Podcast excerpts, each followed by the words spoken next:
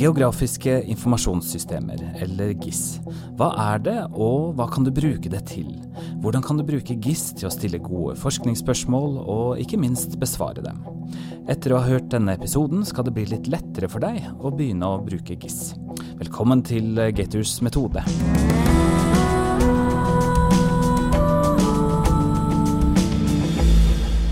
Og velkommen til panelet som består av eh, Kari Elida Eriksen, Camilla Bratland og Bjørn Erik Hansen. Eh, jeg har lyst til å presentere dere litt først. Kari, du er stipendiat ved Norges fiskerihøgskole. Ja, det stemmer. Og så er du utdanna geograf fra Universitetet i Bergen. Og så har du vært seminarleder i GIS og underviser nå i to kurs. Ja, det stemmer. Og Camilla, du er førsteamanuensis ved Instituttet for samfunnsvitenskap. Og så har du tatt kurset som Kari har vært med på å utvikle. Det stemmer. Ja, det er ikke verst. Eh, og så er du fagansvarlig for et GIS-kurs som er en del av samfunns- og arealplanlegging. Yep. Ja.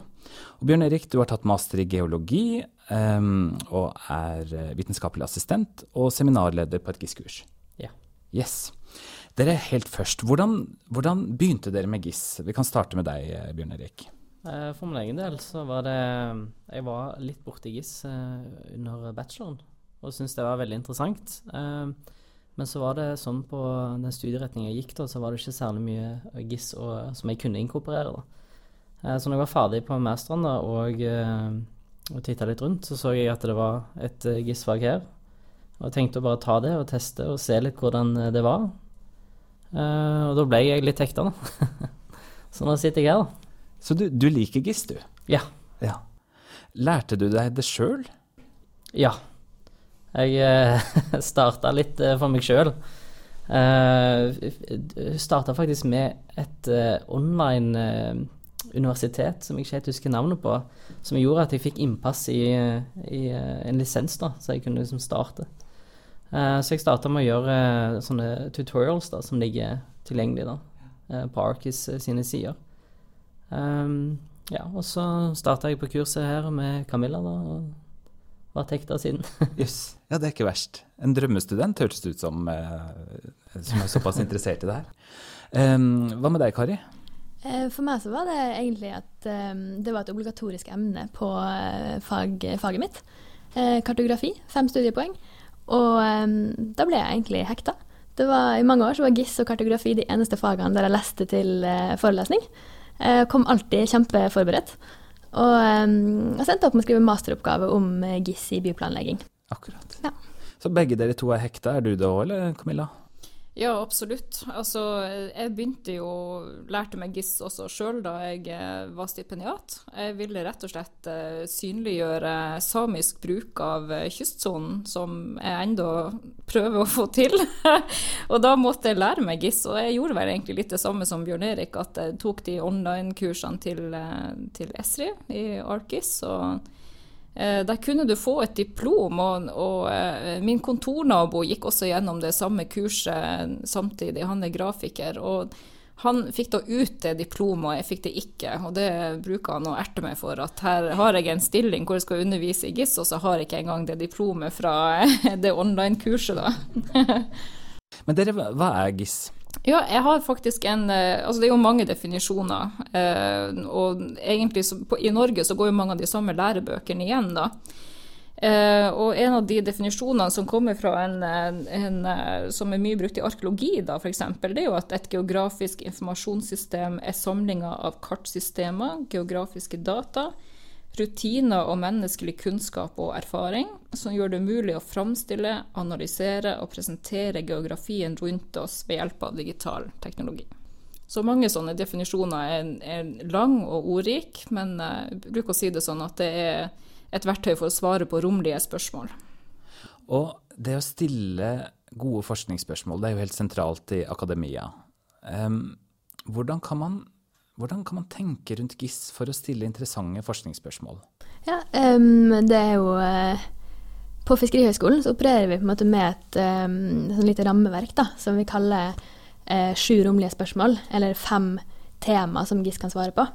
Uh, for et romlig spørsmål er jo et spørsmål som, som, forsøker å svare på noe som har med, med tid og rom å gjøre.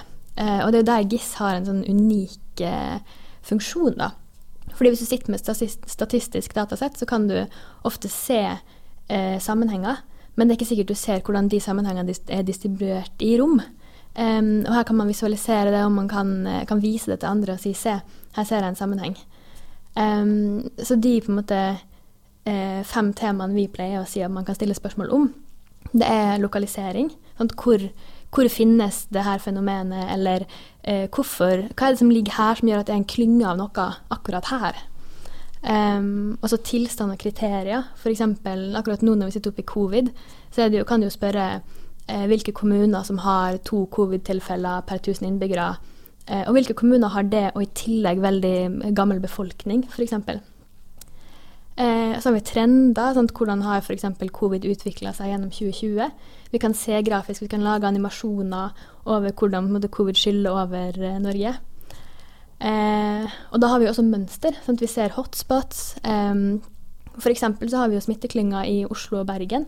Eh, vi kan undersøke om det er noe mønster her. Er det en geografisk sammenheng som gjør at eh, det sprer seg mellom de to byene, eller er det en tilfeldig opphopning? Sånn, har Bergensbanen noe å si? Sannsynligvis ikke men man kan undersøke det. Eh, og det siste er jo modellering, da. Eh, og det er på en måte det å stille spørsmålet Men hva hvis? Hva hvis vi eh, legger til et parameter her? Hva hvis vi stenger Bergensbanen? Har det noen påvirkning? Eller eh, hva skjer hvis vi innfører koronarestriksjoner et nytt sted? Så Det er sånne spørsmål som vi syns man bør stille. da. Og et godt, rommelig spørsmål forsøker jo å svare på noe av det her.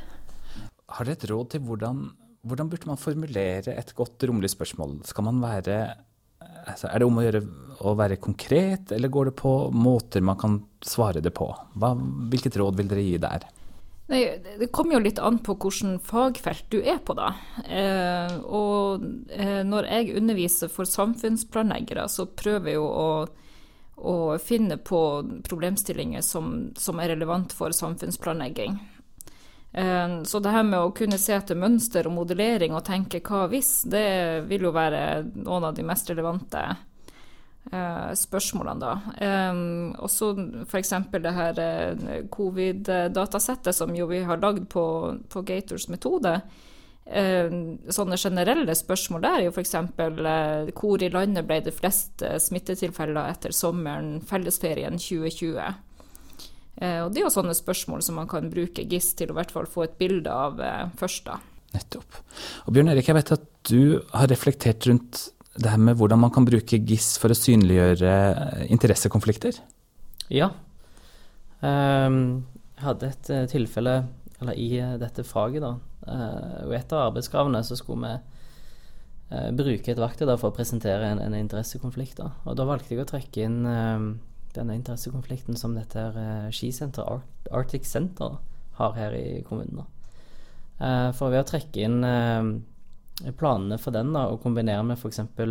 Kulturminner, da, så er det ganske lett å, å få en, en, oversikt over da, hvilke områder som berører hverandre. Da.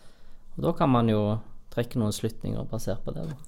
Og, og det her med å utnytte arealer, det er jo en evig kilde for konflikter. Um, hva, er det andre eksempler fra Finnmark som du kjenner til? Altså, er det eksempler fra reindrifta eller fra Sørøya? Er det noen, er det noen sånne konkrete eksempler du har òg? Ja, eh, eksempel eh, eh, Vindkraftverk er jo i vinden om dagen. Og eh, ved å f.eks. kombinere eller legge til, eh, til denne type data, da, så kan du jo trekke inn f.eks. Eh, eh, samisk bruk av området eller andre typer bruk av et område, da, og se hvordan, eh, hvordan interessekonflikter eventuelt har. da. Kan jeg skyte inn noe der? Ja, selvfølgelig. Eh, en annen ting som er gøy med GIS, er jo at du får jo f.eks. med vindkraftverk mulighet til å gjøre synlighetsanalyser. Så da kan du, kan du gjøre en sånn eh, analyse, så kan du se hvor i terrenget kan man se denne eh, masta fra. da. Eh, og så kan du finne ut eh, hvilke naboer kommer til å se den, hvordan kommer det til å påvirke eh, lokalsamfunnet. Da. Men det høres jo veldig kult ut. Hvordan, hvordan altså som en, som en, student som kanskje ikke har brukt det fryktelig mye, da, hvor finner man de kildene som man kan bruke for å, altså for, for å synliggjøre det, sånn som du snakker om nå? Ja. Vi har jo, altså på universitetet har vi jo lisens på ArkGIS-produkter fra Esri. Eh, men hvis man ikke er student på universitetet, så kan man jo også bruke eh, open source programvarer. Eh, jeg har jobba en del i QGIS, og det finnes mye annet som er gratis, så man bare kan laste ned, og så kan man bare prøve seg fram. Og databaser så er jo kanskje GeoNorge den som vi bruker mest. Og der kan man laste ned offentlig tilgjengelig kartdata. Noe er lisensbelagt, veldig mye er helt åpent. Og som student på universitetet så har man lov å, å bruke veldig mye av det. Eh, og så har jo også sånn, direktorater og departementer har jo sine egne kartløsninger på nett. Eh, sånn som miljøbase eller kystinfo, eh, havbase. Og da kan man gå inn og se kart eh, av temaer man er interessert i. Og så kan man klikke seg inn eh, via lenke der for eh, å komme til siden der man kan laste det ned sjøl. Og så kan man putte det inn i en GIS, og så kan man liksom, begynne å leke seg litt med det som finnes da. Utrolig mange muligheter, da. Veldig, veldig mange. Mm. Vil dere oppfordre folk til å tenke litt sånn kreativt? Ja. ja med å velge Absolutt. kilder? Ja. Absolutt. Mm. Hvor, hvorfor det? Hvilke, hvilke, muligheter gir det? GIS er jo en sånn teknologi som er i rivende utvikling. Eh, og, og, bare det å følge med på alle applikasjoner og tillegg og muligheter som kommer på markedet, det er egentlig en, en heldagsjobb i seg sjøl. Eh, og på universitetet så har vi jo eh, ikke sant, Det har vært veldig fokus på eh, program som altså, henger fast i PC-en. Eh, ArcMap. I hvert fall på vårt institutt. Eh, og når jeg begynte å undervise på, på eh, det nye GIS-kurset, så oppdaga jeg jo fort at verden hadde gått veldig fort videre, og at vi snart ikke lenger trenger å bruke eh, desktop-baserte programmer, egentlig. Og at man kan eh, kanskje i framtida undervise med programmer som bare er, på, er nettbasert. Da. så det har jo bevega seg veldig fra at man bare lager statiske kart, og, og, og resultatet blir sånne bilder av eh, Eh, sånne kart som man er vant til å lese, til at det er mye mer sånn multimediefokusert. At du kan blande kart med bilder, med lyd, med, med, tekst, med annen informasjon. Og det gjør jo også eh, det å bruke kart og det å, å på en måte forstå kart blir mye mer på den ene sida så blir det jo demokratisert, at det blir mye mer tilgjengelig for de fleste å lage kart, men på den andre sida så er det jo helt klart um, sant, at du må ha tilgang til teknologi, gjerne veldig god nettforbindelse. Du må ha en type digital uh, kompetanse som gjør det vanskeligere også, eller vanskeligere tilgjengelig, da.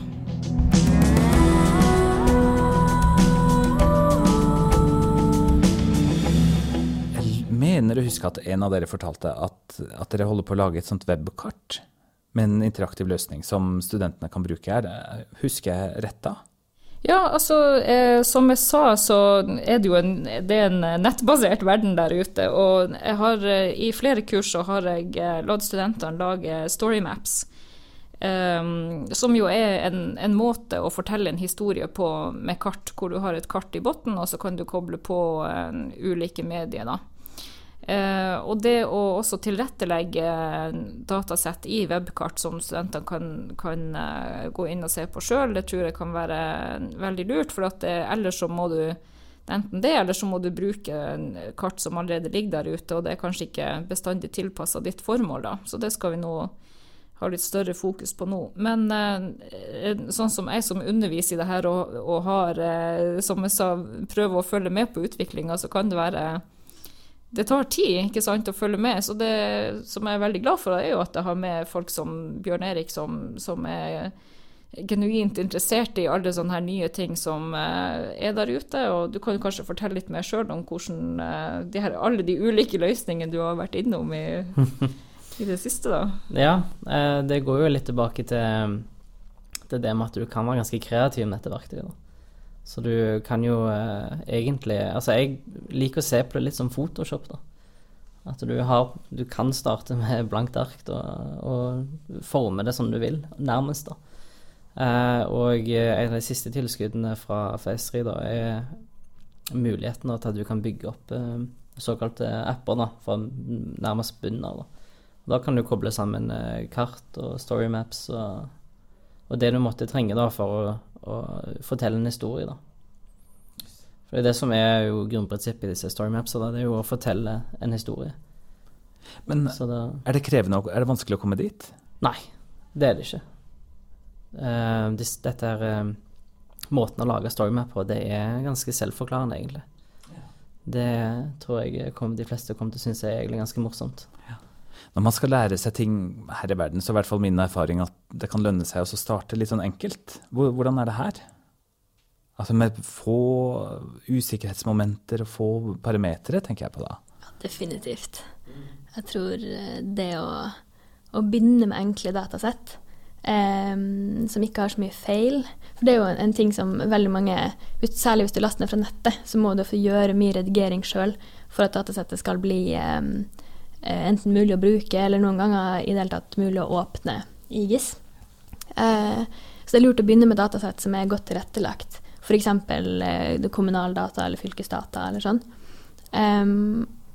Og så er jo det at jo mer problemer man har, jo vanskeligere er det å komme i gang. Og det altså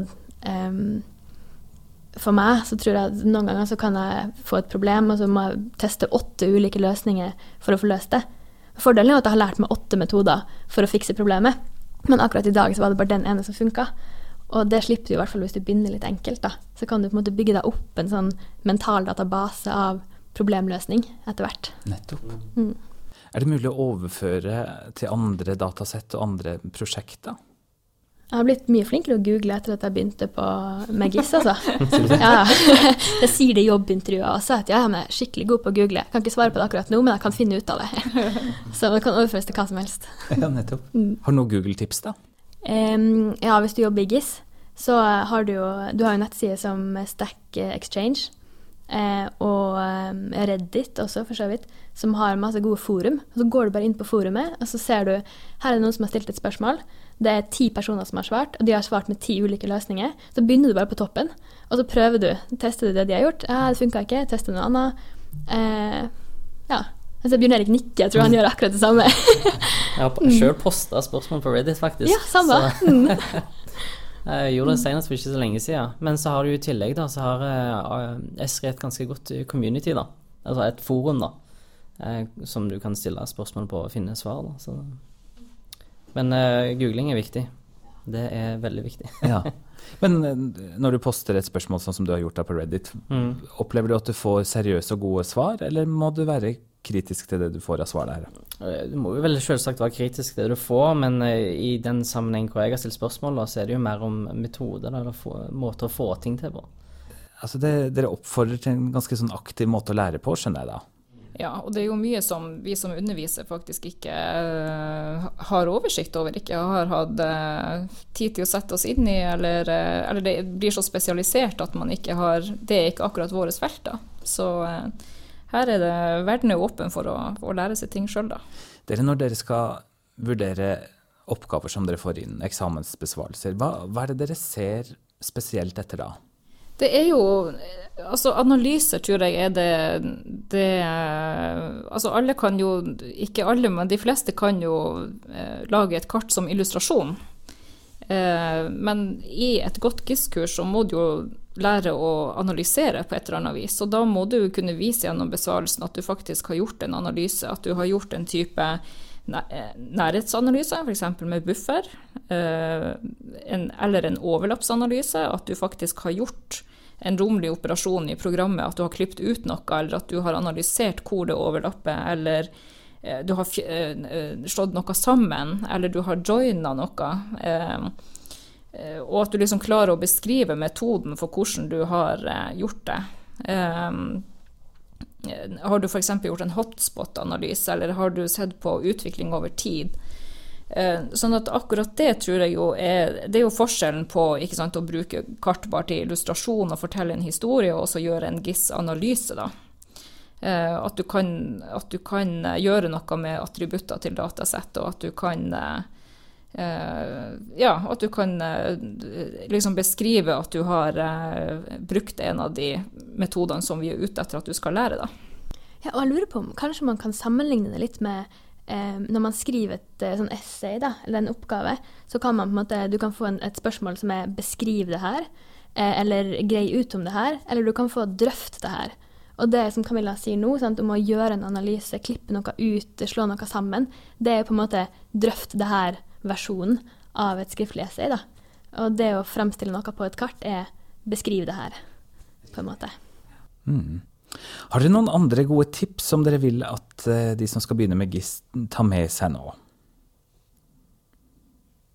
Eller har vi klart å tømme dere for kunnskap allerede? Det ville jo vært helt fantastisk. Jeg syns jo det viktigste kanskje er at de skal ha det gøy, da. Sånn, alltid ta backup. Eh, hvis du er usikker, så lag en kopi som du jobber med. Lag et system der du sier sånn Ja, det er test nummer én, test nummer to, test nummer tre. Skriv ned i et Word-dokument hva du har gjort, og da kan det aldri gå galt. Altså, ja, du kan ødelegge filer, men da har du en backup, og du vet hva du har gjort, så gjør du det aldri igjen. Og, eh, og, da kan du ha det kjempegøy. Ja. mm. Jeg er enig. Jeg òg har eh, en vane for å skrive fremgangsmetode for meg sjøl i et eget ark. Uh, og på den måten kan jeg jo luke ut ting som funker og ikke funker. Uh, og så har jeg lyst til å understreke det med å leke seg med datasettet. Da. Og prøve å finne egne data fra Geo Norge f.eks. Og prøve å svare på egne ting som du lurer på da, som gjerne ikke har noe med fag å gjøre. Da. Bare for å bli vant med å holde på med verktøy og ja, og så er det som sagt veldig viktig, da, som du snakket om, å, å prøve å trykke på knappene og se hva som skjer. For du kan jo alltids gå tilbake. Kari Elida Eriksen, Camilla Bratland og Bjørn Erik Hansen, takk for at dere var med i Gators metode. Jeg heter Svein Lian. Heng med i neste episode. Da skal vi få flere gode tips av studenter som har tatt kurset.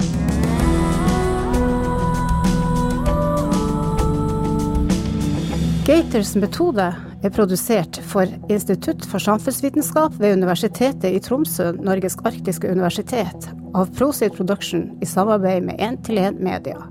Prosjektleder er førsteamanuensis Camilla Bratland, produsent er Espen Holm, og Svein Harald Lian står for research og programledelse.